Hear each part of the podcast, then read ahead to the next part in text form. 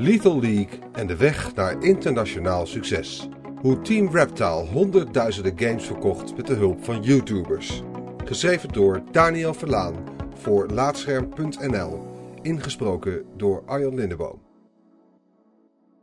Lethal League is een van de weinige Nederlandse games die internationaal succes boekt. Meer dan 400.000 stuks zijn ervan verkocht. Niet gek voor een game die begon als een simpel flashspelletje. We hebben veel te danken aan PewDiePie en Total Biscuit, zegt oprichter Tim Remmers. Als de verkopen van Lethal League op 26 augustus 2014 plotseling omhoog schieten, heeft Remmers geen idee waar dat vandaan komt.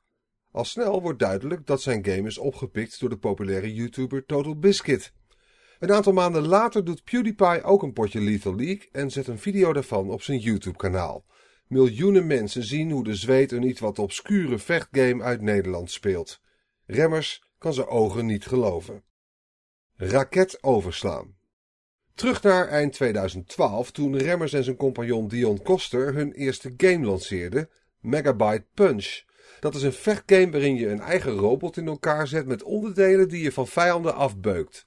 De mannen die elkaar kennen van de opleiding Game Design aan de Hogeschool van de Kunsten Utrecht komen niet uit een zogeheten fighting game community. Ze bouwden eigenlijk per toeval een vechtspel dat volgens Remmers redelijk verkocht. Van dat geld kon het eerste prototype van Lethal League worden gemaakt. Toen Remmers en Koster Megabyte Punch zelf aan het spelen waren, viel het ze op dat ze vooral één ding deden: het afschieten van een raket die de tegenstander moet blokkeren.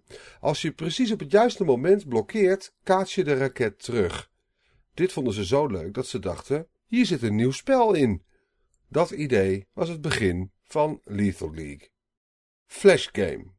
Nog datzelfde jaar begonnen ze te werken aan het eerste prototype.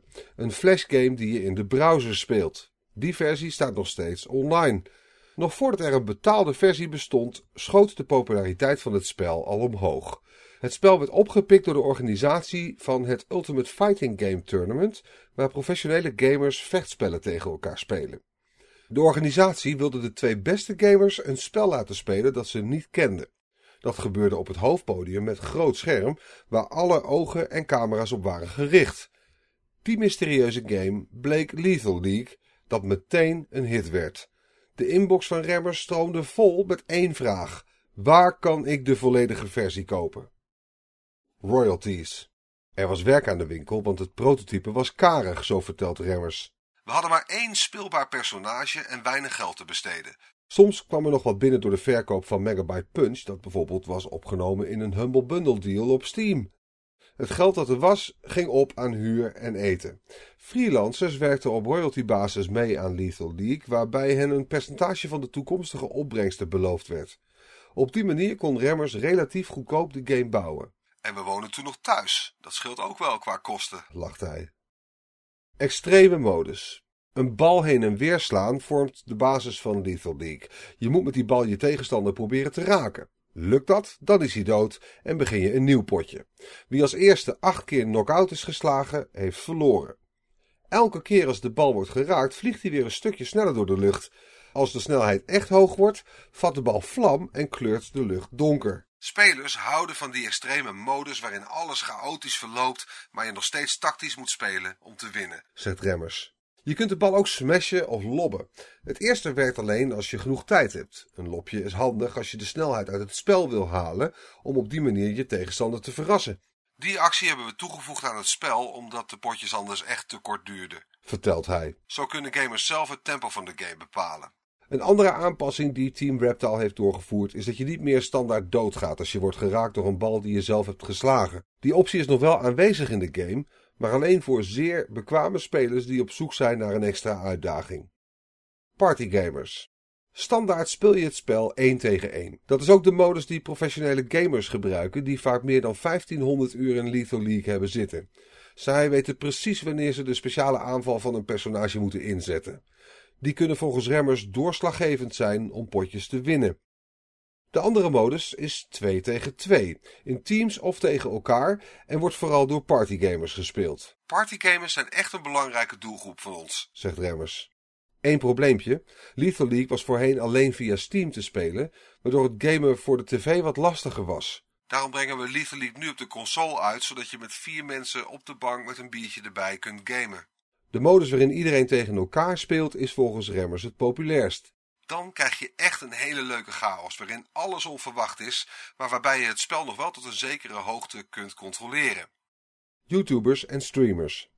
De chaos die Lethal League veroorzaakt werkt aanstekelijk, zo merkt Team Reptile.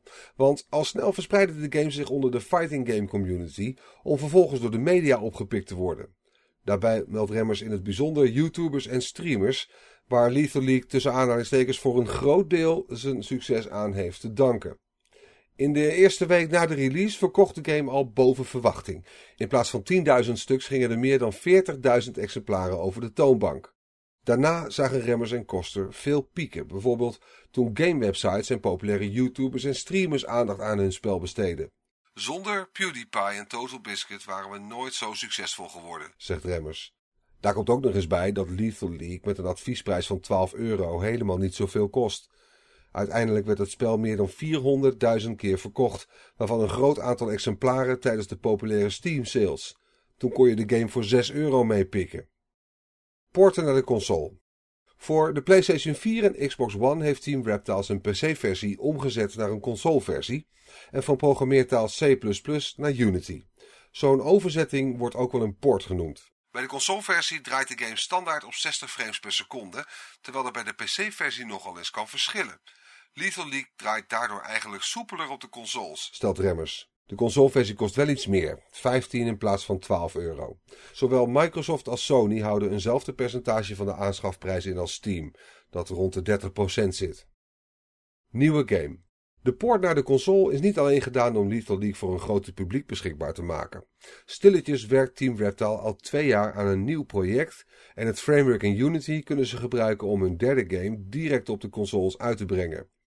Veel wil Remmers nog niet over zijn nieuwe game kwijt, maar wel dat het tussen aanhalingstekens in lijn is met wat Team Reptile al doet. Door het succes van Lethal League hoeft Remmers ook niet op zoek naar een investeerder. Ze houden de game volledig in eigen beheer. Veel Nederlandse gameontwikkelaars hebben het lastig, zegt Remmers. Daarom zijn we juist zo blij dat we geld genoeg verdienen met Lethal League om aan een nieuw project te werken. Op de vraag of het een mobiele game is waar veel Nederlandse gameontwikkelaars maar weinig succes mee boeken, moet hij lachen. Nee, daar ga ik mijn handen niet aan branden. Dankjewel voor het luisteren naar Laatscherm voorgelezen. Abonneer je ook op onze podcast Praatscherm en ga voor deze en meer verhalen, gesproken of geschreven, naar laatscherm.nl.